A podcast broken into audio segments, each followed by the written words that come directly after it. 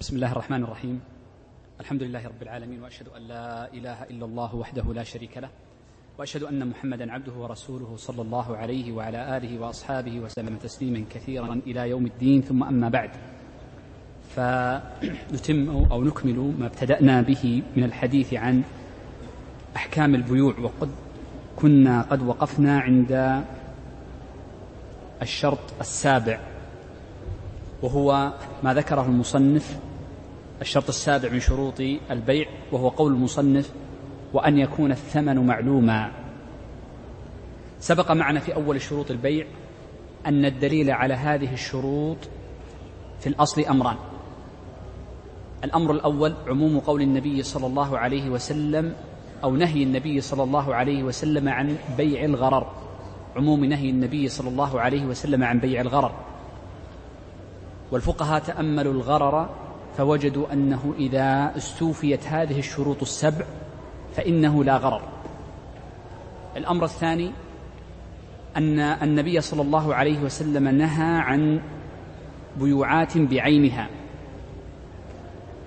فبحث العلماء عن مناطات هذه البيوع المنهي عنها فوجدوا أنها تعود لهذه الشروط السبع. ثم إن الفقهاء بعد ذلك نظروا في البيوعات التي لا تدخل تحت هذه الشروط السبع وأفردوا لها فصلا مستقلا هو الذي سنذكره اليوم بمشيئة الله عز وجل بعد الشروط. فإنهم بعدما ذكروا الشروط ذكروا فصلا في البيوعات التي نهي عنها إما لأجل التعبد التي يكون قد نهي عنها إما لأجل التعبد أو لمعنى آخر سنذكره كالتحيل وغيره في محله بعد قليل إن شاء الله. الشرط السابع إذن هو ماذا؟ أن يكون الثمن معلوما. والمراد بالثمن هو ما يدفعه البائع. وأما المثمن فهو ما يملكه ما يملكه المبتاع. عفوا الثمن هو ما يدفعه المشتري. وأما المثمن فإنه ما, يمل ما يمتلكه المشتري ويملكه البائع. إذا الثمن هو ذلك. والتفريق بين الثمن والمثمن مهم ومثمر جدا. ولذلك نحن ذكرنا قبل اشتراط العلم بالمعقود عليه وهو المثمن. وهنا نذكر الشرط التفريق في الثمن لأن الآثار في التفريق بين الثمن والمثمن كثيرا ربما إن سمح الوقت ذكرت بعضها في نهاية هذا الفصل. قال أن يكون الثمن معلوما يقابل المعلوم المجهول فإذا كان الثمن الذي عقد به البيع مجهولا غير معلوم فإن البيع يكون باطلا. لما؟ لأنه بيع غرر. فإن فيه غررا واضحا. فكيف يتعاقد الناس على مبيع لا يعرفون ثمنه؟ أول مسألة معنا قبل أن يذكر الشيخ تفاصيل هذا هذا أو أو الجزئيات المتفرعة على هذا الشرط أن معرفة الثمن لا بد فيه من وقت وشخص. فالمراد بالوقت أي عند التعاقد. فالمعرفة لا بد أن تكون عند التعاقد. والشخص المراد به أن يكون معلوما للمتعاقدين. نعم قد يكون معلوما لغير المتعاقدين أو لأحدهما فأحدهما يعلم أنه معلوم الثاني ليس بعالم. إذا نقول الثمن ليس بمعلوم. إذا المراد بالثمن أن يكون معلوما للمتعاقدين معا عند التعاقد. وما فائدة قولنا إنه لا بد أن يكون زمنه عند التعاقد؟ أن هناك مسألة سيذكرها المصنف بعد قليل وهي مسألة البيع بما سيكون عليه الثمن. بما سيكون عليه الثمن. فيتعاقد شخص مع آخر على بيع وهذه لها أمثلة كثيرة في وقتنا سنذكرها في محلها. في سوق الحراج مثلا سوق حراج الخضار بجانبنا هنا فيقول خلاص دخل السلعة في الحراج ما ينقطع به السوق سأشتريه. الفقهاء يقولون ما يصح. لما؟ لأنه وقت التعاقد وقت التخاطب لم يكن الثمن ولا المثمن معلوما. قد يكون مثمن معلوم لكن الثمن غير معلوم في هذه الصورة. بما سينقطع عليه السعر. سيأتي المسألة بعد قليل والتفصيل فيها إن شاء الله. إذا قول المصنف أن يكون الثمن معلوما للمتعاقدين معا حال التعاقد. بدأ الشيخ بذكر صور هذه الصور انتفى فيها شرط معرفة الثمن والعلم به. فأول صورة قال فإن باعه برقمه. فإن باعه برقمه. الخبر لم يصح. لم يصح. لأن ذكر أمثلة في آخرها قال لم يصح. ما معنى أن يبيعه برقمه؟ قالوا معنى أن يبيعه برقمه. الرقم هو السعر الذي يجعل على السلعة. هذا هو الرقم. قالوا من باع سلعة لغيره ولم يذكر ثمنها وإنما كان مكتوبا عليها كتابة ولم يكن هذه الكتابة معلومة لأحد المتعاقدين أو لكليهما. شوف لأحدهما أو لكليهما. فالعقد باطل. أما لو كان معلوما لهما جميعا مثل الآن نذهب للمحلات الكبيرة بل ألزمت وزارة التجارة الآن بأن يكتب الرقم. ليس هذا منهيا عنه. المنهي عنه أن يقول لك شوف اشتري السلعة عليها رقم. الرقم سأبيع لك إياه سواء أنا أعرفه أو لا أعرفه قد يكون وضعه غيري. أو يجعل الرقم مخفيا. الرقم الذي فيها سنفتحه إذا فتحنا الكيس نجد داخل الرقم بالسعر الذي فيها. نقول العقد ما يصح. ما السبب؟ ما هو ثمنه؟ لا ندري. غرض. والشرع إنما نهى عن بيوع الغرر لأنها تؤدي إلى التنازع تؤدي إلى الشقاق لأنها تؤدي إلى قلة الإيمان بالقضاء والقدر. كيف؟ لأنها تؤدي إلى معنى القمار. يبدأ الشخص أشتري على الحظ. منها بيع الرقم هذا إذا فتحنا الرقم عند السعر قد يكون قليلا أو كثيرا على الحظ. فيكون فيها قلة إيمان بالقضاء والقدر وإنما اعتماد على الحظ. وهذا ليس كذلك. الإنسان يعمل ويجتهد ويحكم عقله وإرادته في شرائه وبيعه. طيب إذا المراد برقبه السعر المرقوم المكتوب بشرط أن يكون السعر مجهولا لجميع المتبايعين أو لأحدهما. فإن كان مجهولا لأحدهما فالعقد باطل فالعقد باطل. من صور ذلك من صور ذلك لو أن امرأ أخذ سلعة نأتي بالصور المعاصرة. أخذ سلعة لا ثمن عليها. ثم ذهب للمحاسب. ليس يوجد عليها ثمن. ما الذي يفعل؟ بالباركود هذا اللي هو الخطوط. يخرج لك السعر مباشرة. لما أعطاك السعر قلت لا أريده. قال لا لا أنا كتبته. نقول لك الحق أن تقول لا أريده. لأن البيع ليس بلازم لك. ليس مجرد أنك أعطيته المعاطاة أو قلت بيع لأنك لم تكن عارفا للسعر. فهذا الباركود غير المكشوف بمثابة إيش؟ المرقوم المجهول للم... لأحد المتعاقدين أو لكليهما.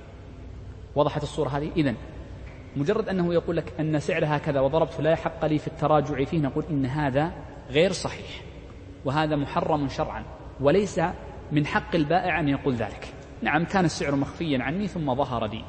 فهنا حينئذ نقول إن العقد باطل.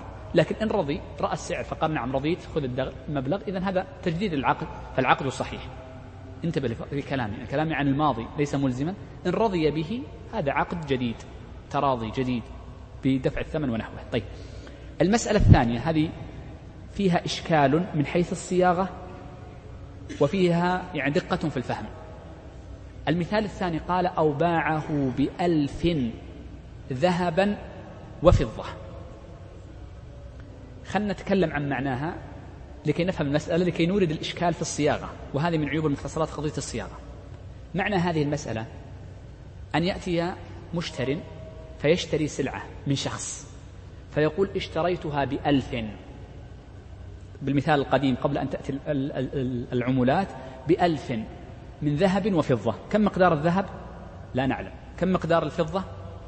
لا نعلم. قد يكون خمسمائة وخمسمائة قد يكون مئتين وثمانمائة.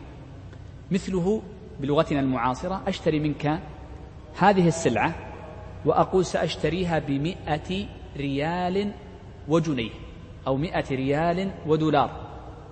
طيب. إذا كم مقدار الجنيه أو أو الدولار وكم مقدار الريال أو الدينار؟ يعني مثلا دينار الكويت 13 ريال. فهل نقول إن يعني وضحت المحل إشكال أن مقدار الثمن غير معلوم لأني قلت ألف ثم جعلت له تمييزين ذهب وفضة قديما والآن العملات اختر أي عملتين من عمل التي تعامل بها الناس. فهي ليست بواضحة لكن لو قال لك 500 و500 نعم وضحت قيمة الثمن. طيب وضح محل الاستشكال عند كلام الفقهاء ومسألتهم. هي واضحة جدا. سمي شيخي. حتى لو كانت معلومة اسمع شوف عبارتي. بعتك هذه بثلاث ريالات وجنيهات. لو أعطيتك خل ريال والجنيه قد يكون متقارب في السعر ما أدري كم سعر الصرف لكن نقول دينار كويتي وريال سعودي. طيب فرق ثلاثة عشر ضعفا. بعتك هذه بمئة ريال ودينار. يصدق على تسعة وتسعين ريال ودينار واحد. ويصدق على تسعة وتسعين دينار وريال واحد. وضح الفرق؟ لأنك ما قلت كم الدنانير وكم الريالات. لو قلت خمسين ريالا وخمسين دينارا خلاص عرفت كم هذه وكم هذه. إذا فيها جهالة. كم ضبطها؟ وضحت المسألة؟ طيب. محل استشكال انتهى. المسألة واضحة لا إشكال فيها. لما؟ لأنها غير معروف الثمن. لكن محل الاستشكال في هذه الجملة هو قول المصنف درهم.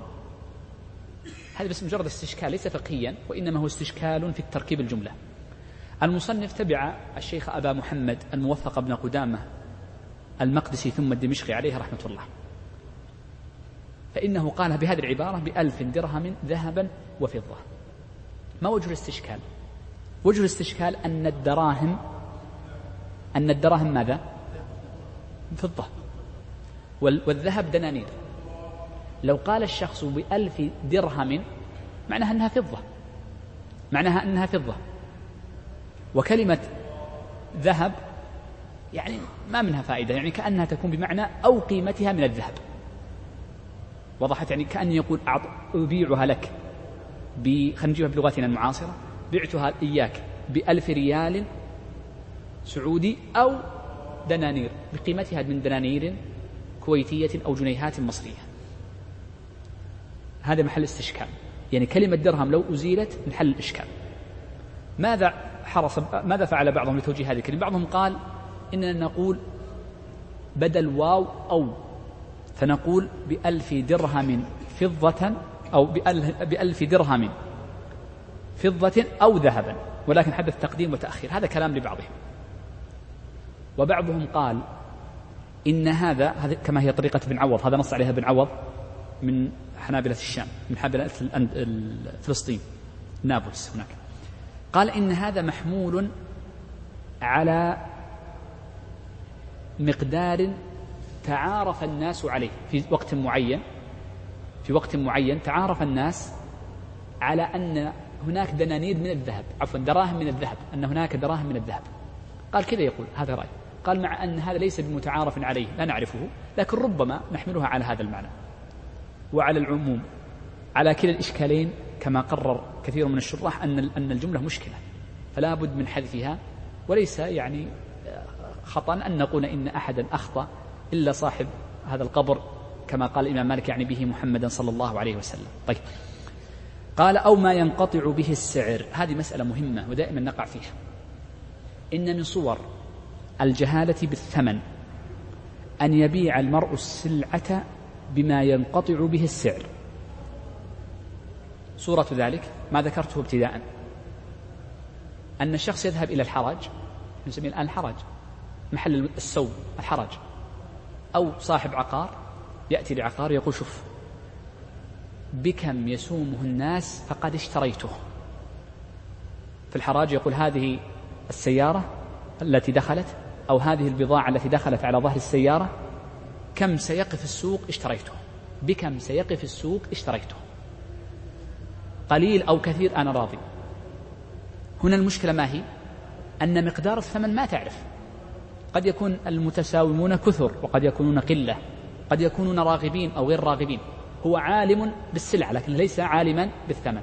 الأصل أن هذا ليس بجائز. طيب الأصل أنه ليس بجائز. لكن يقولون في حالتين يجوز. في حالتين يجوز. الحالة الأولى الحالة الأولى أن يكون المشتري هو آخر من زاد. فإن كان المشتري آخر من زاد فإنه يصح البيع. لما؟ لأنه هو السائل. وضحت الصورة؟ هذه الصورة الأولى التي يجوز فيها أن يتعاقد اثنان على ما ينقطع به السعر. الحالة الثانية إذا رضي به بعد انقطاع السعر. فكأنه من باب تجديد العقد تجديد العقد. وعندهم قاعدة أن عقود الغرر يصح لمن له الحق على الصحيح. طبعا المشكلة هذه قاعدة مختلف فيها. أنه يرضى به ما يحتاج تجديد عقد مجرد الرضا به عند العلم بمحل الغرر فإنه يصح العقد. إذا نص الفقهاء على حالتين يصح بهم قطع السعر إذا علم به ثم رضي الحالة الثانية أن يكون آخر من ساو ما الذي يخرج من ذلك؟ إذا وصل السعر لمبلغ معين ولم يرضى به المشتري. المشتري قال ما أبغى أبيعك بالسعر هذا أنا حر له الحق. أو لم يرضى به البائع ما نقول أنت ملزم بدفع الثمن. لست ملزما لست ملزما. طيب. الصورة الرابعة قال أو بما باع زيد وجهلاه أو أحدهما أيضا لم يصح. شخص ذهب للسوق طبعا السوق ليس مسعرا مثل الآن أغلب الآن عندنا في السوق مسعر. لكن أحيانا قد يكون إحنا نسميه المجلب. المجلب الذي يأتي من من من الخضار ما يأتي من البضائع التي تجلب بداخل السوق ليست المحلات التجارية. يقول يقول شوف السعر هذا؟ يتساوم معه في مبلغ معين. قال شوف بكم بعت زيدا بكم بعت فلان أنا راضي. باللي بعته فلان. بالذي بعته فلان. وكان كلاهما جاهل بالثمن أو أحدهما جاهل. إما البائع أو المشتري. نقول العقد غير صحيح. متى يصح إذا قال أنا راضي بما فلان؟ في حالة إذا رضي به. علمه ورضي به. إذا علمه جميعا ثم رضي به. ولو كانت العلم متأخر ثم رضي به بعد ذلك فنقول إن العقد حينئذ صحيح. سم؟ أي تجديد. مجرد الرضا تجديد. لكن لا نقول إنه ملزم قبل ذلك. العقد الأول باطل. العقد الأول باطل لأنه هو عندنا أن, أن العقود نهي عنها لأحد أمرين إما لأجل الربا وإما لأجل الغرض. كل ما نهي عنه لعلة الربا فإن العقد باطل لا يقبل التصحيح. وكل ما نهي عنه لعقد لأجل الغرر فإنما النهي لحق الآدمي. فيكون متعلقا برضاه. برضاه إيش؟ بعد العلم. ليس برضاه قبل العلم. لأن رضاه قبل العلم لو فتح خطير هدمت أصلا من أصول الشريعة. لابد أن يكون رضاه بعد العلم. وهذا سنشير القاعدة بعد قليل إن شاء الله. طيب. انتهينا من هذه المسألة أو الصور التي يكون فيها العقد غير صحيح. انظر. سيذكر الآن المصنف مسائل دقيقة. ونحن سنربطها بالدرس الماضي. هذه المسائل ما الذي فيها؟ سيبدأ الآن بمسألتين مهمتين. أول مسألتين هذه هي مسألة بيع الصبرة. الصبرة وما في معناها؟ الصبرة ما هي؟ أن يكون الشخص أمامه مجموعة من الطعام مجموع على هيئة هيئة كبيرة يراها أمامها تسمى صبرة أو مجعولة في إناء فتسمى صبرة بحيث أنك تراها تسمى صبرة. طيب. بيع الصبرة لها حالات. خلينا نذكر الجملة التي معنا ثم نربطها بالحالات السابقة لكي نربط العلم بعضه ببعض. فإن من أهم المسائل لضبط الفقه أنك تربط المسائل بعضها ببعض. كما قال عمر رضي الله عنه واعرف الأشباه والنظائر. ثم لما فرق بين هذه وهذه؟ إن عرفت التفريق بين المسائل التي قد تكون متشابهة في الصورة لكنها فرقت بالحكم. ما المعنى فيها؟ فأنت الفقيه في هذه المسألة. وإن عرفت الأبواب كلها فأنت الفقيه في كل الأبواب كلها. طيب لنبدأ بكلام الشيخ جملة جملة ثم ننتقل لتقسيمها بعد قليل. قال المصنف وإن باع ثوبا. قلنا معنى الثوب ماذا؟ القماش الذي يكون مطويا الخام. وليس المراد بالثوب هذا. هذا ليس ثوبا هذا قميص مفصل مصنوع. نقصد بالثوب الخام الخام اللي هو مطوي هذا الذي يكون مطويا. وإن باع ثوبا أو صبرة عرفنا معنى الصبرة وهو الطعام المجموع أو قطيعا. القطيع قطيع من الغنم قطيع من الإبل قطيع من البقر يعني مجموعة من البهائم. إذا باعها انتبه. وهو يعرف أو ينظر إليها يعرف مقدارها. ما يقول قطيع ما يدري وين فيه قد يكون ثنتين وقد يكون مئة. لا يعرف عرفها من حيث النظر. انتبه لهذا القيد الذي ذكرته فإنه مهم جدا لأن بعض الناس يفهم أن بيع الصبرة قد تكون لا ينظر إليها. نقول أصلا أصلا هذا ما يصح لأن المثمن غير معلوم. ونحن قلنا إن المثمن لا يعفى فيه في شيء مطلقا. فبيع الصبرة يختلف. يعني وسنذكر إن شاء الله بعد قليل في التقسيم. طيب. إذا إذا باع ثوبا أو صبرة أو قطيعا أول شيء ماذا قلنا؟ نظر إليه بصره يعني رآه قدامه. الأمر الثاني أن يشتريها كلها. هذه المسألة بأن يشتري القطيعة والصبرة والثوب كله. يجب أن يشتريه كاملا. يجب أن يشتريه كاملا. طيب باع ثوبا أو صبرة أو قطيعا كله مما ينظر إليه كل ذراع من الثوب. الآن ترك الناس التعامل بالأذرعة كل متر نقول الآن كل متر من الثوب أو قفيز. القفيز وحدة كيل. الناس كانوا يتعاملون بها. الآن نقول صاع. الآن الناس هذه مسألة سأخرج عن الدرس قليلا في دقيقتين لكنها مهمة عندنا. الناس الآن أصبحوا يتعاملون ببيع المكيلات وزنا. أفهم كلمتي. أصبح الناس يتعاملون ببيع المكيلات وزنا. المكيلات مثل ماذا؟ الرز البر الدقيق التمر. الآن لما تروح تشتري رز ما تقول لا أبغى بالصاع. المحلات التي تبيع الرز لك اللي هي اسمها طاحون. زين؟ هذه محلات هي تسمى طاحون. طاحون طاحون أو مطحنة. نعم يبيعك إما بالصاع وإما أن يبيعك بالصاع هذا كيل. ما في إشكال. وإما أن يبيعك بالوزن يقول لك خمسة كيلو. وضحت؟ الفقهاء بس لكي نعرف هذه المسألة الفقهاء اختلفوا. هل يجوز بيع المكيلات وزنا أم لا؟ هل يجوز بيع المكيلات وزنا أم لا؟ بعض الفقهاء وهو قول مذهب قوي بل هو قول الشافعية أنه لا يجوز بيع المكيلات وزنا. يجب أن تشتريها كيلا. ما يجوز تشتري الرز والذرة والقمح والتمر بالكيلو خمسة كيلو. لا اشتريه بالصاع اشتريه بالقفيز اشتريه بنحو ذلك. والقول الثاني الذي استقر عليه قول عامة المتأخرين نص عليه جماعة منهم شيخنا الشيخ عبد الله بن بسام قال إن العمل عليه أنه يجوز بيع المكيلات وزنا. وهذا اختيار الشيخ تقي الدين وغيره خاص استقر عليه العمل. بل كل الناس يتعاملون بذلك. أنا أعرف بعض طلبة العلم لا يمنع الناس ولكنه إذا أراد أن يشتري مكيلا اشتراه كيلا ولم يشتريه وزنا. بس يقول أنا في نفسي خاصة نفسي لكن لا ألزم أحدا. يروح يشتري مثلا جريش يشتريه بالصاع. في محلات ما زالت تبيع بالصاع يقول بس هكذا. يقول أرى أن فيها بركة. رأيه هو هو صحيح أم خطأ؟ علمه عند الله عز وجل. فالنبي صلى الله عليه وسلم قال يعني الميزان ميزان أهل مكة والكيل كيل أهل مكة والوزن وزن أهل المدينة. فما كان يكال عندهم فإن فيه بركة. على العموم الأمر واسع. طيب.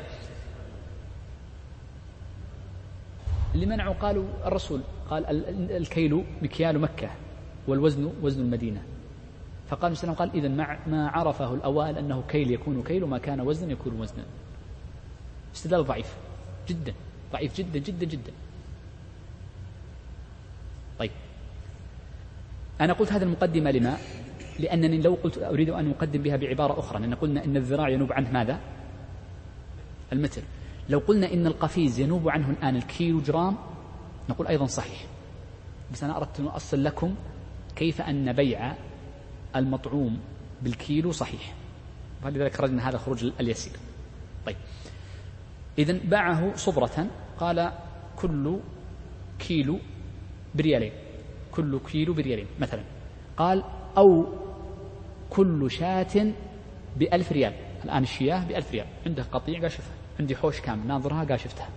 ما عدها. شوف ما عدها. ما عد القطيع. لكن نظر إلى القطيع. حوش مليان. قال أبيعك كل الشياه. كل الشياه. كل شاة بستمائة ريال. قطوعة. يقولون صح. ما دليلكم على ذلك؟ قالوا الإجماع. لأنه قد انعقد الإجماع على بيع الصبرة وما في معناها كالقطيع والثوب. طيب انتبه معي. انتبه معي. هنا في استشكال. ما هو الاستشكال؟ أن الثمن غير معلوم. كيف الثمن غير معلوم؟ كم عدد الغنم؟ إحنا نقول إنه يجوز الاجماع انعقد الإجماع على بيع الصبرة وما في حكمها.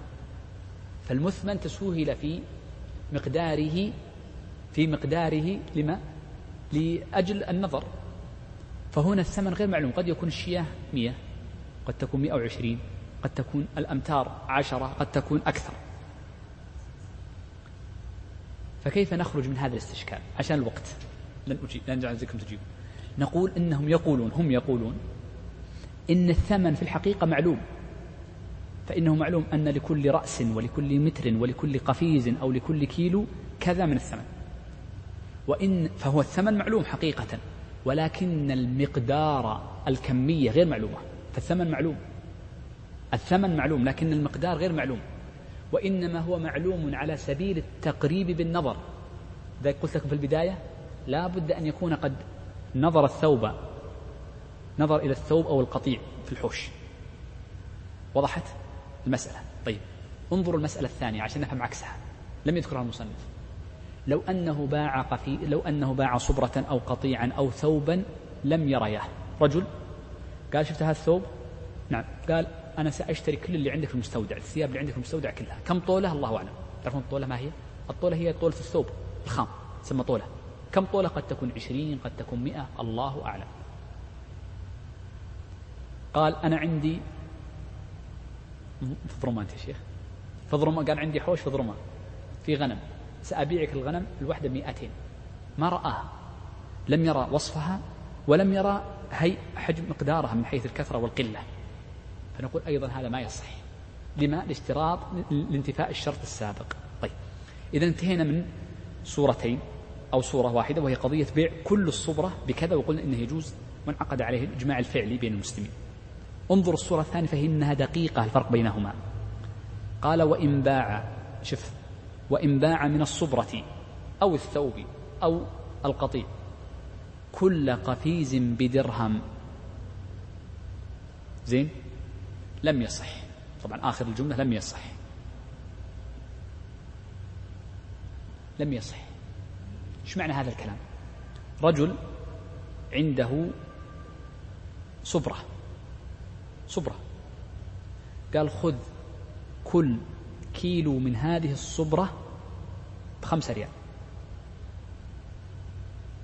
أو عند الثوب قال الثوب المتر بخمسة ريال وخذ ما شئت واترك ما شئت. يقولون بهذه الطريقة ما يصح. ما السبب؟ ما السبب؟ شوف يعني هي أدق من السابقة. قالوا لأن هنا المقدار غير معلوم أساسا بالنظر. هو معلوم الصبر لكن الذي سيختار إنما هو المشتري فقط. فليس كل الصبرة يعني ما في مقدار حتى محدد ولو مبدئيا من حيث النظر. فقد يأخذ نصفها وقد يأخذ ربعها ويفسد على صاحبه باقي الثوب. قد يفسد عليه باقي الثوب. القطيع لا شك أنه غير متشابه فقد يأخذ من الأطيب ويترك الأسوأ. فيقولون ما يصح بهذه الحالة إلا على المذهب إلا أن يتراضيا. يقول نعم سأقطع لك. فيتراضيا بعد ذلك وسأخذ خمسة أمتار سأخذ عشرة شياه نقول هنا إذن تراضيا بعد معرفة إيش؟ العدد.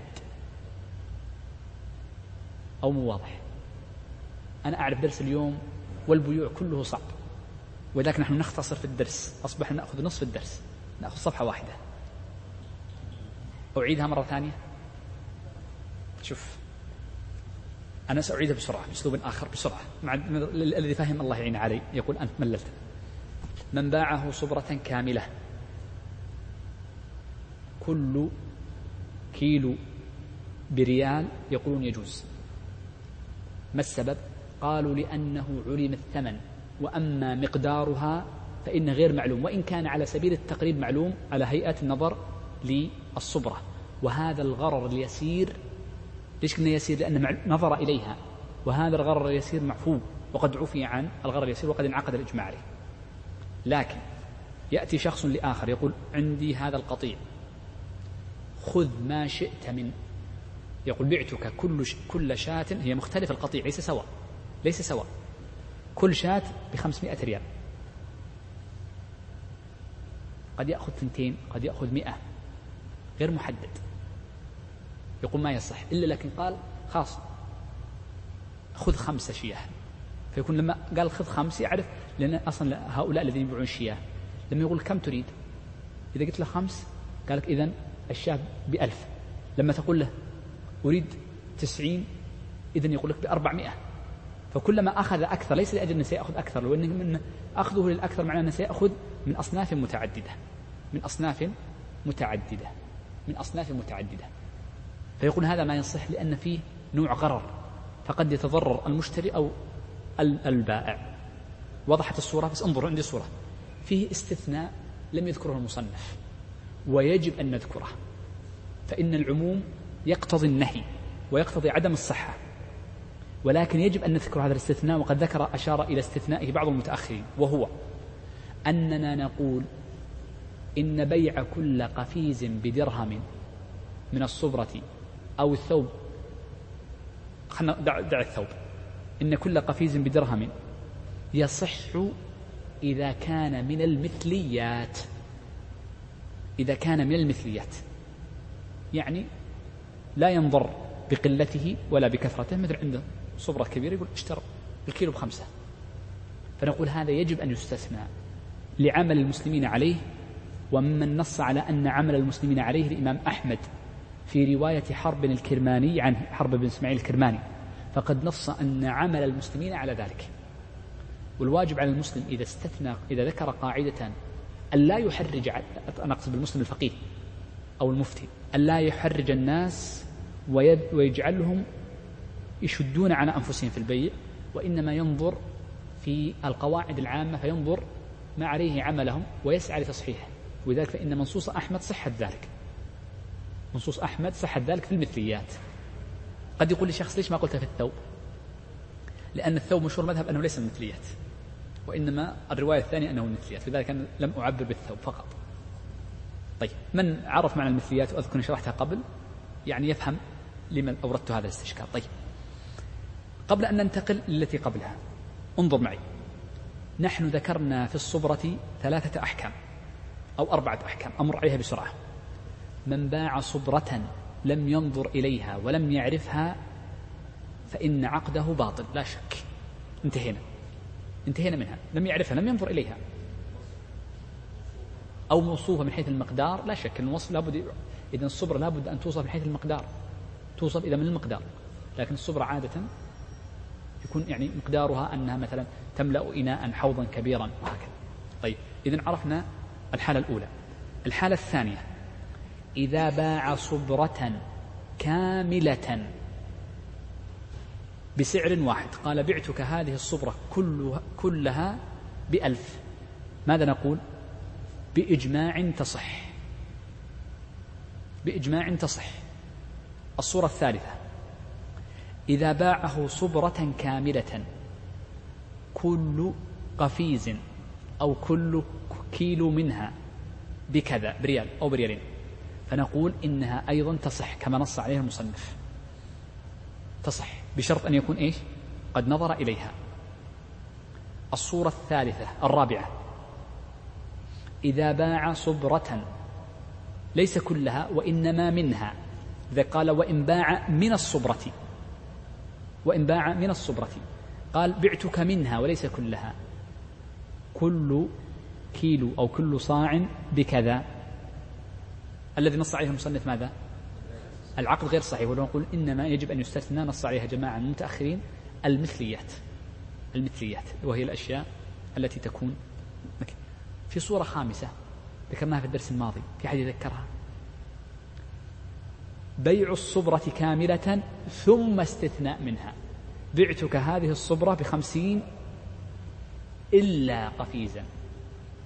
إلا خمسة كيلو. تذكرون هذه المسألة؟ الدرس الماضي.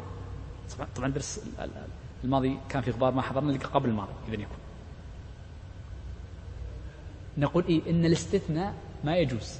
إلا أن تكون نهى عن الثنيا إلا أن تكون معلومة. إلا أن تكون معلومة. كيف تكون معلومة؟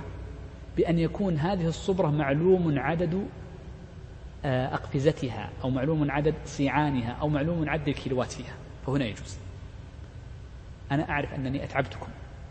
لكن هذه مسألة لكي نعرف أن المسائل قد تكون متشابهة في الظاهر لكن الحكم مختلف. نستفيد مسألتين من سبيل التفقه أمرين. نستفيد الأمر الأول أن الفقه لا ينال براحة براحة البدن أبدا وإنما يحتاج إلى إعمال ذهن وصبر وتحمل. ولذلك انظر هذه مسألة القفيز طلعنا خمس صور من سطرين المسألة الثانية يجب إذا عرفت أنك تحتاج إلى تعب يجب أن تخاف الله عز وجل إذا أردت أن تتكلم في شرعه. خف الله عز وجل فإن هذا العلم دقيق. وكما قال ربيعة بن عبد الرحمن شيخ الإمام مالك أحمق الناس من باع دينه بدنياه. وأشد منه حمقا من باع دينه بدنيا غيره. أنت عليك الإثم لأنك أفتيت الناس وغيرك تمتعوا بالمال تمتعوا بالزواج المحرم يفتيهم بزواج المسيار وهو حرام يفتيهم بزواج مثل الطلاق وهو حرام. غير تمتع وهو الذي عليه الإثم. كل هذا حرام. ذكرنا في المنهاج سيمر معنا إن شاء الله في محله. طيب إذا عرفنا هذه المسائل على سبيل السرعة. طيب نمر بالصورة التي بعدها. قال أو يعني باعه بمئة درهم إلا دينار وعكسه بمئة دينار إلا درهم. هذه المسألة أيضا مشكلة. ما معنى ذلك؟ يأتي شخص نأتي بلغتنا المعاصرة. بعتك هذه السلعة بألف ريال إلا خمسمائة جنيه. إلا خمسمائة جنيه. فيقول إن هذا منهي عنه. ما, ما الذي عللوا به؟ منصور نفس البهوتي علل في الكشاف تعليل غير الذي علله في الروض فمرة قال إن هذا من استثناء المجهول من المعلوم. ومرة قال إن هذا من استثناء الشيء من غير جنسه. قد يقول شخص قد يقول شخص طيب سعر صرف العملة الثانية معلومة. فكأنك قلت يعني مثلا نقول إن الريال بجنيه مثلا مثلا. فكأنك قلت يعني ألف ريال إلا 500 جنيه يعني ألف ريال إلا 250 ريال. نقول طبعا تعليله قلت لكم قبل تعليلها قبل اختلاف الجنس فيقول إنه يؤدي إلى الاستشكال والجهالة. نقول إن العقد إن العقد قد يكون تسليم الثمن مؤجل ونحن نعلم أن سعر الصرف يختلف من وقت إلى وقت. فبأي الوقتين نعتبر؟ أبي وقت التعاقد أم بوقت التقابض؟ إن قلت التعاقد مشكلة وإن قلت التقابض مشكلة. إن قلت التعاقد خالفت حديث ابن عمر مرفوعا وموقوفا وموقوف أصح لكن عليه عمل المسلمين. من باع بدراهم ثم أراد أن يقتضيها دنانير فلا بأس إذا كان بسعر يومها. خالفت النص. ما يصح بسعر ما يصح أنك تقبض بسعر التقابض بعد سنة بعد سنتين. إن قلت إنه بسعر التقابض نقول إذا اختل شرط إيش؟ العلم. وقت البيع ما تدري كم السعر. قد يرتفع الريال قد ينزل. الدولار أو الجنيه يرتفع ينزل.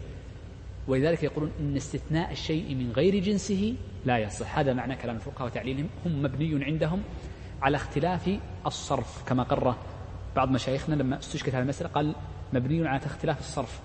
فإنه ليس دائما إنما كان في عهد النبي صلى الله عليه وسلم نعم الدينار باثني عشر درهم لكن بعده يتغير يتغير. جاء بعده إلى الحجاج ما بينهم إلا فترة وغير الدرهم ونقص وزاد وهكذا. وعكسه عرفنا معنى عكسه. طيب. بعد ذلك بدأ المصنف بمسألة مهمة جدا جدا جدا. وهذه المسألة يعنون لها الفقهاء بمسألة تفريق الصفقة. بدأ الشيخ الموضوع اسمه تفريق الصفقة. ما معنى تفريق الصفقة؟ أو قبل أن نتكلم عن تفريق الصفقة ما معناه؟ أو عندنا أن نقول تجزيء. ما ودي أقول تفريق. خلينا نقول تجزيء الصفقة. هذا مصطلح من عندي لكي يشمل تفريق الصفقة. تجزيء الصفقة ما هو؟ معناه أن الشخص يعقد بيعا.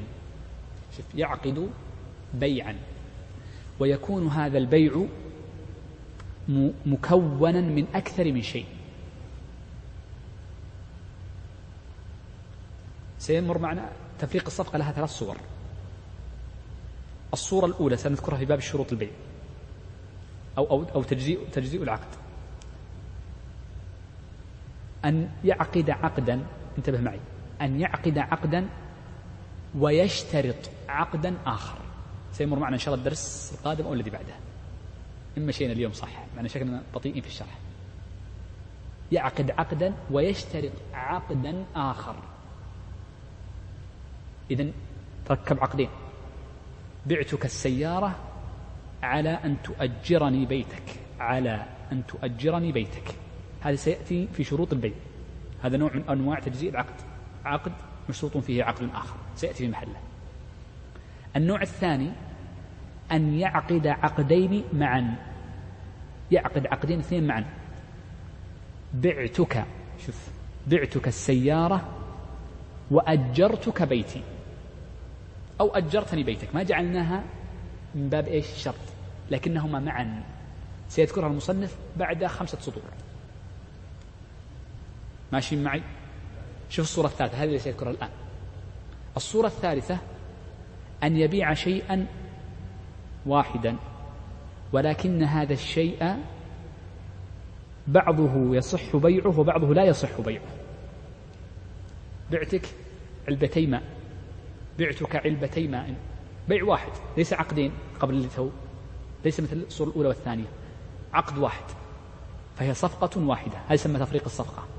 ولكن هذه العلبتين إحداهما ملكي والثانية ليست ملكي. فنحن نصحح ما كان في ملكك ونفسد أو نبطل البيع الذي ليس في ملكك. وضحت معنى تفريق الصفقة. إذا معنى الصفقة أنه عقد واحد ليس عقدين مثل الصورة التي بعد قليل. وإنما هو عقد واحد ولكنه على شيئين أو أكثر.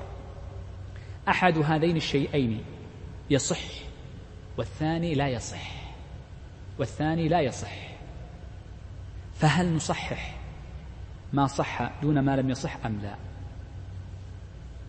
وضحت الصورة تفريق الصفقة. إذا تفريق الصفقة وضحت معنا. عقد واحد على شيئين. طيب. نقول إن الشخص إذا عقد البيع على شيء فصح في بعضه وبعضه لم يصح. فإن لها خمس حالات. حالة واحدة منها نقول ببطلان البيع كله. وأربع حالات نقول بتفريق الصفقة فيصح العقد في الجزء دون الجزء الثاني. وهذه الخمس حالات كلها موجودة في كلام المصنف. فركز معي ركز معي. وسأقول كل جملة وأقول لك هذه الحالة الأولى الحالة الثانية. نبدأ بالحالة الأولى.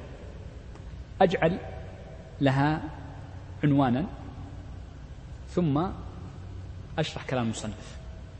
المسألة الأولى أن يبيع معلوما ومجهولا معا. وهذه قول المصنف أو معلوما ومجهولا أي باع معلوما ومجهولا. أن يبيع معلوما ومجهولا. مثل ماذا؟ أجيك وأقول لك بعتك بعتك هذا القلم ما اسمع معي قلم يعني بعتك هذا الكتاب بعتك هذا الكتاب وكل الكتب التي معي في السيارة بألف ريال. بعتك هذا الكتاب. هذا إيش؟ معلوم. وكل الكتب التي في السيارة كم في السيارة الكتاب؟ أتحدى أحد يعرف كم في سيارتي من كتاب؟ كم يا شيخ عبد الحميد؟ خمسين كتاب؟ لا لا أقل. أبسط عند المساجد يا شيخ. شوف ما حد يدري. ما أحد يدري. إذا بعت معلوما ومجهولا. طبعا لما ذكروا هذا طبعا لماذا ذكروا تفريق الصفقة بعد شرط البيع لأن لأول صورة وهي بيع المعلوم مع المجهول ولأن الصور الأخرى تتعلق أيضا بشروط البيع. يقولون إذا باع معلوما ومجهولا معا فإن العقد باطل. ما نقول يصح في المعلوم ويفسد المجهول. لما؟ لأن فكرة تفريق يعني تفريق الصفقة أننا نقول إذا كان اثنين بعتك شيئين واحد باطل واحد صحيح إذا صح الصحيح بنسبته نصف الثمن. لكن لما يكون معلوم ومجهول كم نسبة المعلوم المجهول؟ قد يكون مئة. وأنا بعتك بألف ريال إذا صار كتاب بعشر ريال. قد يكون مجهول واحد. فأصبح المعلوم كم؟ كم ثمنه؟ خمسمائة ريال. شوف الفرق. إذا يقولون إذا بيع معلوم ومجهول بطل الحق بطل العقد لم يصح. طيب. إذا قال ومعلوما ومجهول بدأنا الآن في مسألة تفريق الصفقة. الحالة الأولى أن يبيع معلوما ومجهولا معا فالعقد فاسد فيهما معا. ما السبب؟ ما السبب؟ لأنه الجهالة والجهالة لا يمكن أن تقدر الثمن بنسبته. طيب. طيب. لم يصح. عرفنا الآن الوجه الدليل عندنا استثناءان. يجوز فيهما يجوز من كلام المصنف يجوز في هذين الاستثناءين أو يصح فيهما القول بتفريق الصفقة إذا بيع مجهول ومعلوم. يعني نقول يصح بيع الكتاب دون إيش؟ باقي الكتب. الحالة الأولى أشار لها المصنف حينما قال يتعذر علمه. مفهومها؟ أنه إذا لم يتعذر علمه لم يتعذر علمه صح في نسبته وجزئه هذا الكتاب فقط. كيف يتعذر علمه؟ أنا وأنت جالسين خلينا نقول مثلا هذا الكتاب السيارة نمثل بالكتب مثلا اليوم. أنا وإياك قلت لك بعتك هذا الكتاب وكل الكتب. قلت قبلت. ثم مباشرة نظرنا في السيارة فعرفنا على طول يعني يعني ممكن أن يعرف مقدار المجهول قريبا قريبا يعرف على طول. فنقول هنا يصح. العقد بشرط أن يرضى المشتري لأن قد يكون قليل وقد يكون كثير. لابد أن يرضى لابد أن يرضى. فإذا أمكن العلم به ورضي بعد ذلك لأن له حق الخيار كما سيأتي بعد قليل في آخر الباب. له حق الخيار. أن رضي نقول حق صح العقد. أما لو كان مجهول ما ندري كم. أصلا لا يمكن أن يعرف لكي يقسط إذا هذه الصورة الأولى التي يستثنى فيها البيع المجهول والمعلوم معا. الصورة الثانية قول الشيخ قال ولم يقل كل منهما بكذا. لو قلت لك بعتك هذا الكتاب والكتب التي في السيارة هذا بعشرة والكتب التي في السيارة بألف. نقول صح. صح في إيش؟ في المعلوم. أما المجهول فقد بطل. وضحت المسألة. لكن يبقى الخيار أيضا. إذا بيع المعلوم والمجهول صفقة واحدة. له ثلاث حالات. حالة باطلة وحالتان يصح في المعلوم دون دون المجهول من باب تفريق الصفقة. الحالة التي لا يصح وهو إذا كان المجهول يتعذر علمه. إما قريبا لا يمكن علمه إلا بعد مسافة طويلة أو لا يمكن علمه مطلقا. بعتك بعتك مثلا آه شيء مثلا يملكه الشخص شيء يملكه الشخص مثلا بعتك الأموال التي بس هذه يعني في شيء يكون مخفي طبعا ولا يكون تحت الأرض مثلا. بعت يعني شيء مخفي تحت الأرض وهو يملكه ولا يمكن أن يعده. فهنا نقول إذن يعتبر مجهولا. مثل ما ذكرت في الكتب يعني نفس الأمثلة لكن تأتيها بسلعة أخرى. طيب انتهينا من إيش؟ الصورة الأولى من تفريق الصفقة وهي ذكروني ذكروني. بيع المعلوم والمجهول معا في صفقة واحدة. لو فرقت الصفقة بينهما لا شك أن المعلوم صحيح والمجهول وحده باطل. الحالة الثانية الحالة الثانية أو النوع الثاني من أنواع تفريق الصفقة. أن يبيع مشاعا بينه وبين غيره. يقول المصنف وإن باع مشاعا بينه وبين غيره كعبد. إيش معنى المشاع؟ أن يأتي اثنان فأكثر يملكون شيئا ولكن لا نعرف مقدار ملك كل واحد منهم. أنا وأنت رحنا واشترينا لنا أرض أنا خمسين بالمئة وأنت خمسين بالمئة واضح من, من الثمن أصلا. وإذا الآن كتابة العدل تكتب بدءا من يعني من يعني فترة من أكثر من عشر سنوات وأكثر لازم كل واحد كم نسبة تملكه؟ 20% 50% أنا معروف لي 20% لكن وين ملكي؟ أهو الذي على الشارع الشمالي أم الشرقي؟ فهو غير غير واضح ملكي من ملكك. غير متميز وإنما هو مشاع إذا عرفنا معنى المشاع أنا وأنت متشاركين فاشترينا شاة. أنا لي النصف ولك النصف. جئت أنا وبعتها من غير إذنك. النصف الذي لي ماذا؟ ملكي. والنصف الثاني؟ ملكك أنت. هل لي الحق أن أبيع ملكك؟ لا. لكن أنا بعت الشاة كاملة. أصلا لا يمكن. هل طب سؤال سؤال. هل يجوز بيع نصف الشاة؟ راجعوها الدرس الماضي. إن كانكم نسيتوا. راجعوها وتعالوا. سم؟ نسيتوا شيخ. قلنا ما يجوز. ولا يجوز؟ شركة. طيب لا أنتم نسيتوا. إحنا قلنا لا يجوز بيع إيش؟ الأجزاء الأعضاء. وأما شراء جزء منها مشاع يجوز. إحنا قلنا للناس يا شيخ تشاركون في ربع حاشي كل الناس يتشاركون في الغنم. يشتري اثنين ثلاثة يشترون لهم شاة ويقسمونها بينهم يجوز ما في إشكال. طيب. إذا إذا الذي لا يجوز إنما هو بيع جزء من الشاة إلا الأطراف فيجوز استثناؤه دون بيعه. ذكرنا في درس الإطاف طيب. آه اللهم أخرجنا في المراجعة المسألة. إذا بيع المشاع لو أن امرأ باع المشاع بينه وبين غيره فنقول يصح في نصيبه دون نصيب غيره. يصح في نصيبه دون نصيب غيره. وهذا اللي قلناه قبل شوي. أنا لي نصف شاة. بعتك إياها فنقول إذا يصح في نصيبك دون نصيب غيرك بنسبتها. ولو أنا بعت الشاة كاملة ولو بعت الشاة كاملة لكن في نصفي. والنصف الثاني يجب أن أرجعه أرجع أن أرجعه للمشتري إلا أن يقول لا ما أبغى نصف أبغاها كاملة. سيأتي في الأخير. الحالة الثالثة من تفريق الصفقة هي أن يبيع ما يملكه وما لا يملكه. ما يملكه وما لا يملكه من الموصوفات. من الموصوفات.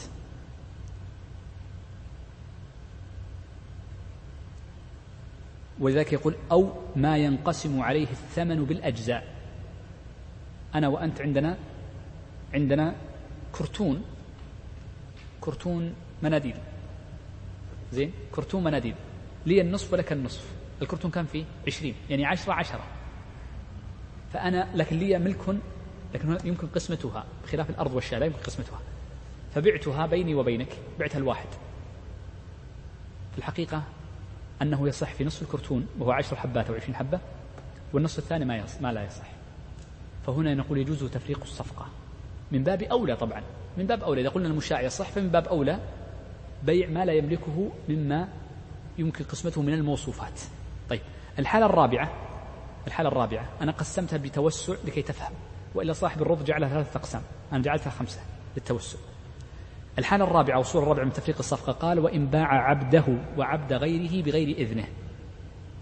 بمعنى أنه يبيع ما يملكه هو والأعيان وليس الموصوفات والأعيان التي يملكها غيره الأعيان الأعيان.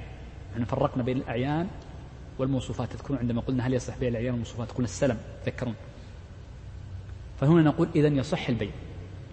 واحد آه، عنده جهازان كمبيوتر أو جهاز واحد له واحد لزميله. جاء واحد قال بشتري منك اثنين قال بعتك. فباعهما بألفين. فجاء صاحب قال لا لا لا أعطني إياه. ما أبغى أبيع أنا حر. فنقول إذا يصح البيع بجزئه. الجهازين متساويين في الثمن. إذا هذا بألف وهذا بألف. إذا صح البيع بالألف و... وأرجع أيها البائع ألفا للمشتري. فيكون إنما صح في عقدك دون العقد الثاني دون العقد الثاني. طيب. الحالة الخامسة وننتهي منها. قال أو باع عبدا وحرا وخلا أو خلا وخمرا. ومعنى ذلك أن يبيعه حلال حلالا مع حرام. يبيع شيء حلال وشيء حرام. يبيع شيء حلال وشيء حرام. فنقول هنا يصح في الحلال بجزئه أو بقسطه وفي الحرام ليس كذلك. قال صفقة واحدة وهذا معنى قولنا أنها صفقة واحدة يعني في عقد واحد صح في عبده وفي الخل يعني في عبده الذي ملكه دون ما لا يملكه وفي الخل أي في الحلال دون الخمر بقسطه. طيب عندنا مسألتين وسأختم بها هذا الباب. المسألة الأولى إحنا قلنا صح في إيش؟ في أربع صور دون بيع المعلوم والمجهول معا. لكن هذا العقد عندما نقول إنه قد صح يكون فيه قيد الذي ذكره المصنف في آخر جملة. نقول إن المشتري له الخيار إن جهل الحال.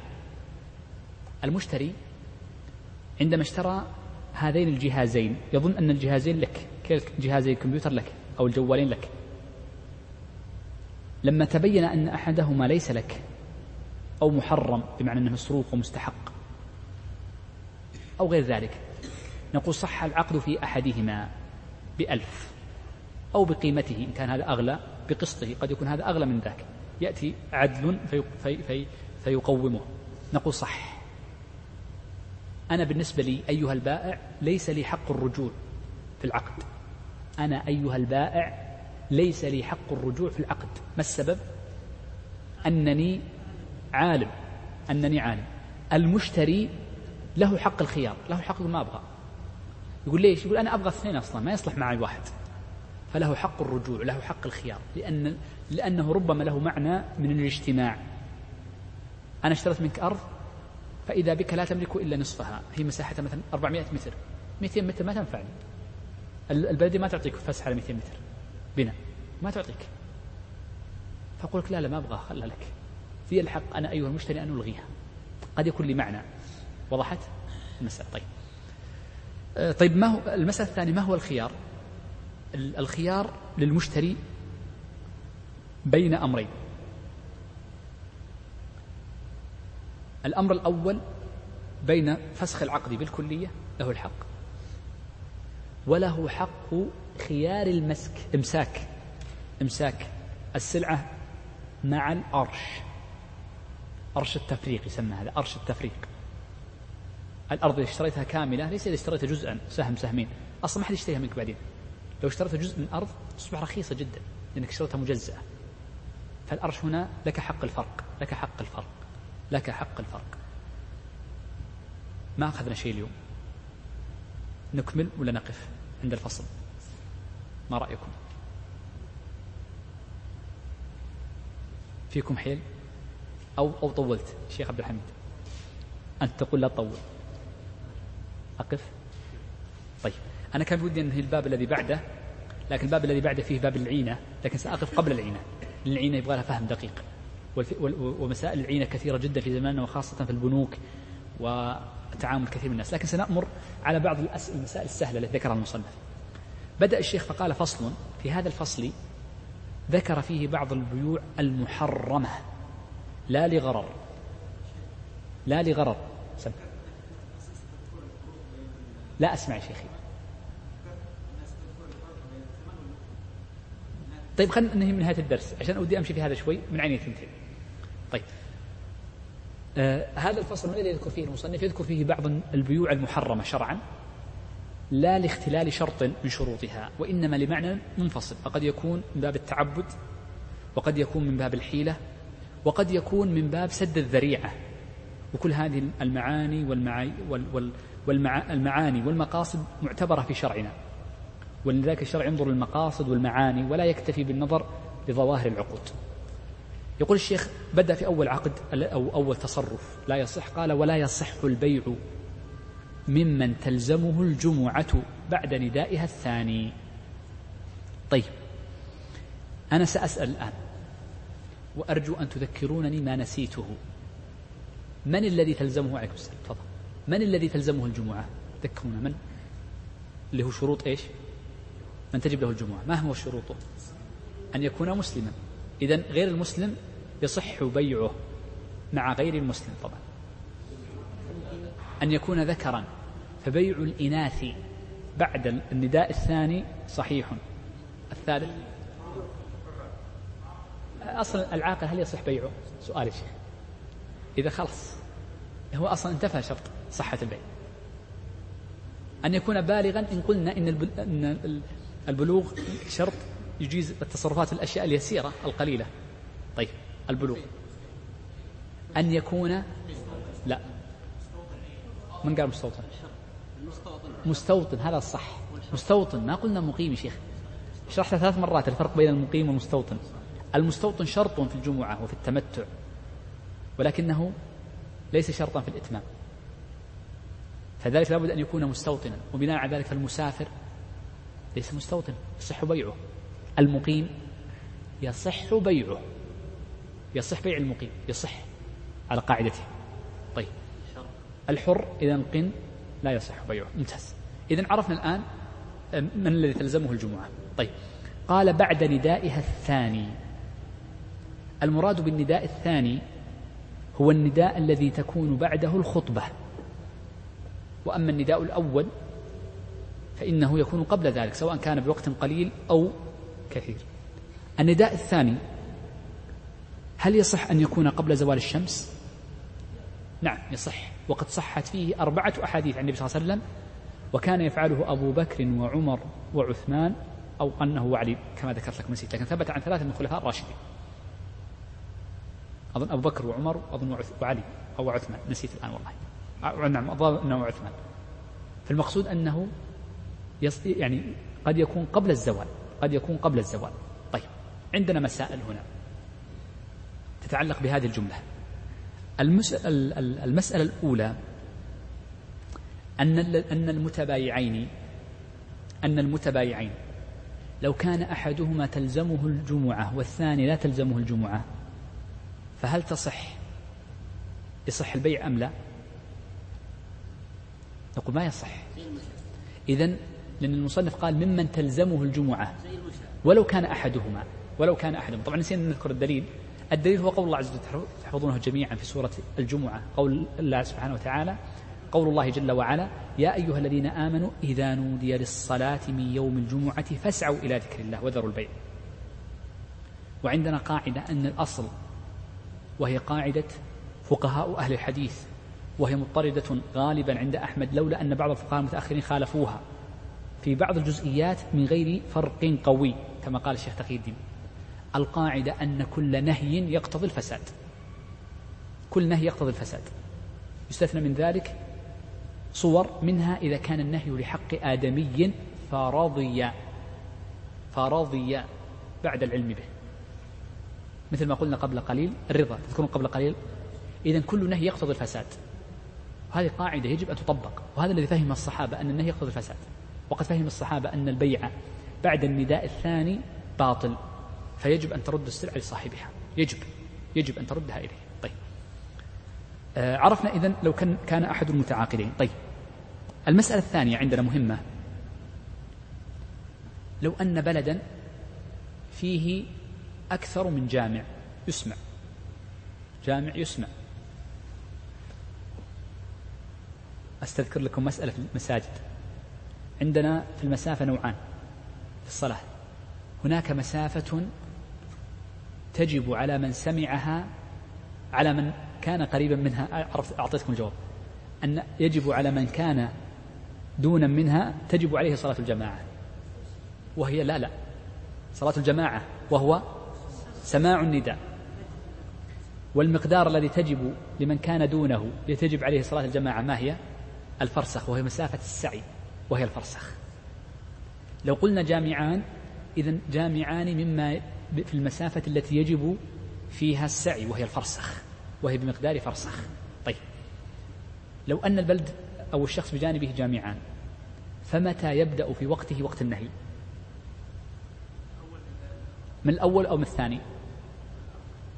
ما رأيك يا شيخ؟ ما رأيك يا شيخ؟ يعني واحد قبل الثاني بربع ساعة. أنا بصلي مع الثاني. هل العبرة بمن ينادي الأول أم بمن يصلي معه؟ ترى كل ما قلت صح قيل وقيل يعني صح صح هذا. يعني لا, لا تتحرج. العبرة بمن يصلي قيل هذا الشيء ولكن المعتمد عند المتأخرين أن العبرة بالأول.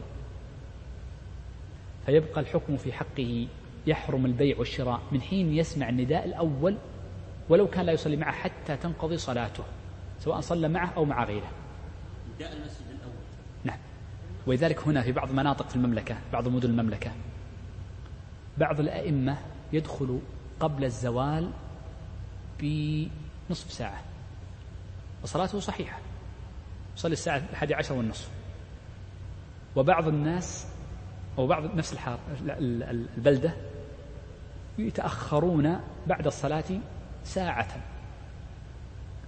فنقول إن الناس الذين يسمعون هذين المسجدين يحرم عليهم عقد أي بيع من الساعة الحادية عشر والنصف إلى أن يصلوا. كل واحد يحتبر صلاته إلى أن تصلي.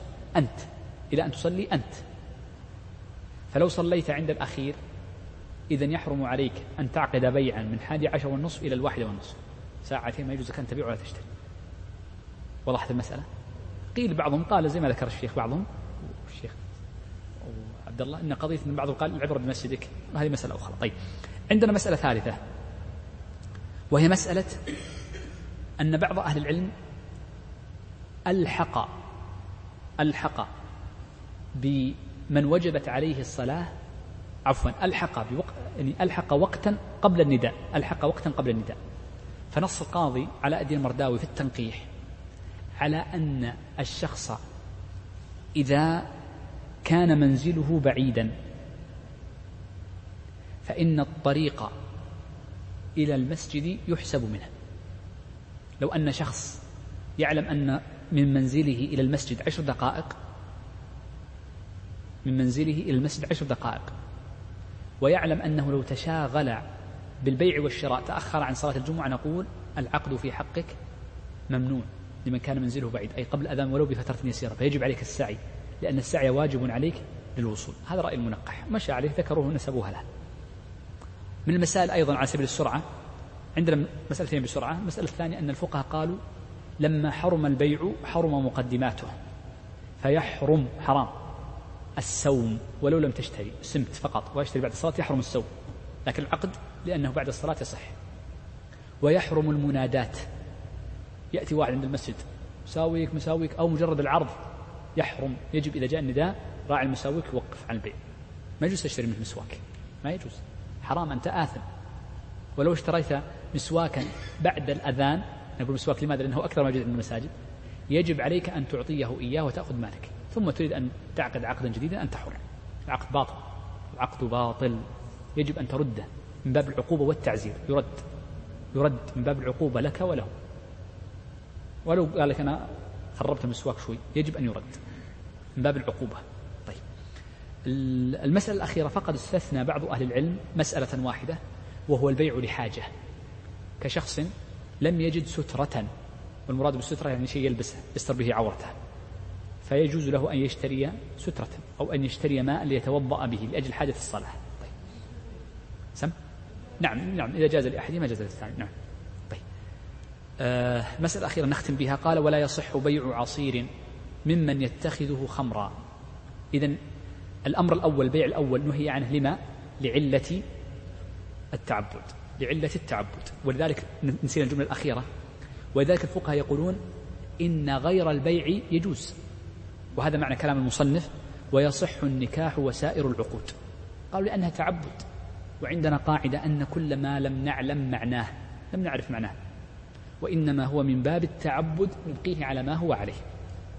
ولذلك لما قال الفقهاء إنه يصح عقد النكاح ويصح عقد الإجارة ويصح عقد الجعالة وتصح الإقالة ويصح الطلاق بعد النداء الثاني. كل هذه صححوها مع أنها عقود فيها معنى المال فيها معنى المال الخلع فيه معنى المال. عقد النكاح فيه صداق من أحد الطرفين.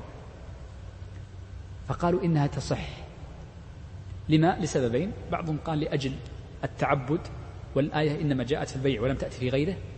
وبعضهم قال لأن إنشاء هذه العقود نادر نادر يوم الجمعة. نادر أن الواحد يعمل إيجار لكن بيع كثير.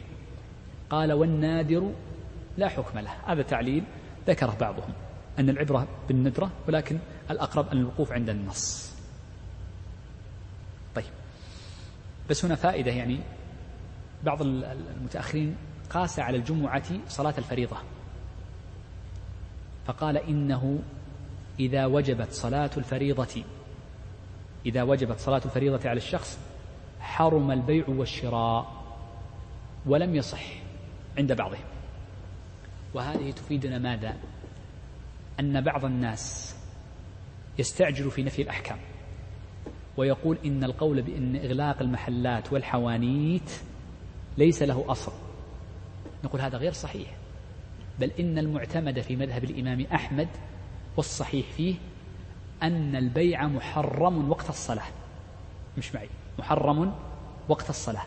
بل إن المحققين منهم المتأخرين يرون أن البيع باطل وقت صلاة الفريضة لمن وجبت عليه كالرجل طبعا غير المرأة. والزمان الأول لم يكن وقت الصلاة وقت صلاة الفريضة نتكلم. اللي هو الجماعة نتكلم عن الجماعة كان قلت الفريضة فقط. أقصد الفريضة جماعة الفريضة. لم يكن وقت صلاة الفريضة واحدا. فكانت المساجد واحد بعد خمس دقائق واحد بعد عشر دقائق واحد بعد عشرين دقيقة. فكان الشخص الذي تجب عليه الجماعة قد تفوته في المسجد الأول ويدركها في المسجد الثاني. ولذلك هم يقولون إن الجماعة غير الجمعة. لما أرادوا أن يوجدوا فرقا مسألة ذكرناها قبل قليل. ألم نقل إن من أراد أن يصلي مع المسجد الثاني قال بعضهم إن العبرة بصلاته قالوا أما في الجماعة فإن العبرة بصلاته فلا يصح عقده في المسجد الأخير إذا كانت لا هذه آخر جماعة. في زماننا هذا أصبح وقت الصلاة واحد خم عشر دقائق. إذا فاتتك هذه العشر دقائق لا يمكن أن تدرك مسجدا آخر. نادر نادر جدا أن تجد مساجد تقدم على ثاني خمس أربع أصلا وزارة تشد عليه تقول صلوا في وقت واحد. بناء على ذلك لما أصبح الناس يصلون في مساجد في وقت واحدة. حكمهم كحكم من؟ يصلي في مسجد واحد لا يوجد إلا جماعة واحدة. وهذا يدلنا على أن أنا لا أعرف المذاهب الأخرى لكن أدلك على مشهور مذهب أن مذهب الإمام أحمد أن البيع في وقت الصلاة محرم. بل هو باطل وما ترتب عليه مرتب إذا يجب إغلاق الحوانت لكن يأتيك شخص يبحث عن المسألة يريد هكذا إغلاق الدكاكين. لن تجد في هذه المسألة. وذلك النفي نوعان كما قرر العز عليه السلام. نفي للعلم ونفي للحقيقة. نفي الحقيقة مقبول. نعم أقول لك يأتيك مالك إمام دار الهجرة يقول لا أصل لكذا. صح أنا معك. لما جاء الإمام مالك إن هذا بس خارج الدرس. أنا أريد أن نعرف النظر للعلم كيف يكون. لما جاء الإمام مالك وقال إنه لم يكن أصل للإغلاق يوم الجمعة. إغلاق الحوانيت التعبد لله عز وجل بإغلاق الحوانيت يوم الجمعة ليس لأجل الصلاة. أن إغلاقها يوم الجمعة فقط. يقول هذا ما له أصل ليس من السنة. طبعا مالك كل ما لم يكن له أصل يسميه بدعة. توسع الإمام مالك عليه رحمة الله في مسمى البدعة. فسماها بدعة. مالك ينفي أنا أقبل قول مالك. استقراؤه قوي وهو قريب من عهد الصحابة. بل هو من أعيان علماء بل من رؤوس العلماء عليه رحمة الله. لكن يأتيني رجل وينفي كلاما لأربعة عشر قرنا وهو لم يطلع إلا عن طريق البحث في الكمبيوتر مثلا أو مدخلاته ضعيفة. وينفي شيئا غير صحيح هذا هذا الحقيقة من الجهل وعدم العلم. فأنا أقول يعني أنا أنا قلت هذا كلام لما؟ لأن أشار بعض الناس في هذا الزمان أنه لا أصل لإغلاق الحوانت نقول بل له أصل بل هو واجب على مشهور المذهب الإمام أحمد. وخاصة بالتفصيل ذكرت لكم قبل قليل. طيب. آه، المسألة الثانية نختم بها أنا أطلت اليوم. شوي أختم أختم. آه، وهي مسألة النهي عن الشيء من باب سد الذريعة. وهذا أصل عند عدد من أهل العلم وهو التحريم الفعلي سدا للذريعة بل هو طريقة فقهاء أغلب الفقهاء الحديث كالشافعي ومالك وأحمد وكثير من فقهاء يعني الحنفية. من الأمثلة التي ذكرها المصنف قال لا يصح بيع عصير ممن يتخذه خمرا. ما يجوز للشخص أن يتخذ بيع عصير عنب. بل حتى العنب إذا علم أن هذا الشخص سيبيعها خمرا. مثالها في زماننا قد يكون في بعض البلدان مصانع الخمور فلا يجوز للشخص أن يبيع لهذه المصانع منتجا. بل لا يجوز له أن يبيعهم حتى الزجاج. قد لا يكون خمرا لكن يعبأ به الخمر. فكل ما كان معينا عليه ويعلم قطعا أنهم يفعلونه فلا يجوز. سأذكر أمثلة بعد قليل. قال ولا سلاح في فتنة. ولا سلاح في فتنة ما معناه؟ أنه لا يجوز بيع السلاح في وقت القتال. اثنان يتخاصمان ويتضاربان. فجاءك أحدهما في المحل قال أريد أشتري منك سكين. ترى الرجل قد احمرت عيناه وانتفخت أوداجه ويكاد الشرر يتطاير من عينيه وقد اشمر يعني ارتفع ثوبه مع الغضب يرتفع الثوب ويشمر. ثم يريد أن يشتري منك سكين وأنت تعلم أنه متضارب ومتخاصم مع رجل عند الباب. هل يجوز البيع؟ يقول ما يجوز حرام. سيأخذه ويطعن ويطعن أخاه المسلم. فتنة. ما يجوز بيعه. إذا حرام ما يجوز. هذا سدا للذريعة انظر هنا. كل شيء أدى لذريعة لا يجوز. أدى الفعل محرم لا يجوز سدا للذريعة وكذا التأجير. فمن أجر لشخص يفعل حراما لا يجوز. من باع من أجر أو باع بيته أو دكانه لمن يقوم في هذا الدكان ببيع خمر أو خنزير أو يجعله مكانا محرما لربا ونحوه فلا يجوز. العقد محرم والمال الذي اكتسبته سحت. هل يرد لصاحب؟ يقول لا ما يرد. هذه مسألة ستمر معنا إن شاء الله في قضية المال الحرام. لكن المالك ليس حلالا لك باطل المال. لأنك, استخد... لأنك أعنت على محرم ومثله بيع السكين. عندنا صورتان. الصورة الأولى أن يكون الشيء بيع لحلال لكن قد يستخدم في حرام. بعت لشخص بيت أو أجرته بيت سيسكن فيه السكن حلال أم حرام؟ لكنه ربما جعل فيه نظر إلى صور محرمة فيه ربما. ربما نام فيه عن الصلاة. لكن أصل البيع كان لأمر حلال وهو السكنى سكنى عائلة كذا. فهنا نقول يجوز. إذا استخدم ربما هو يستخدم لكن الأصل أنه جائز. إذا العقد صحيح. الحالة الثانية إذا كان من باب الظن وليس من باب الجزم فنقول إذا لا عبرة بالظن والعبرة باليقين وهو الأصل استخدام الأشياء استخداما مباحا. طيب. نقف هنا أظن أخذنا أكثر من ساعة في الدرس لكن أسأل الله عز وجل الجميع التوفيق والسداد. وأسأله سبحانه وتعالى أن يرزقنا الهدى والتقى وصلى الله وسلم على نبينا محمد.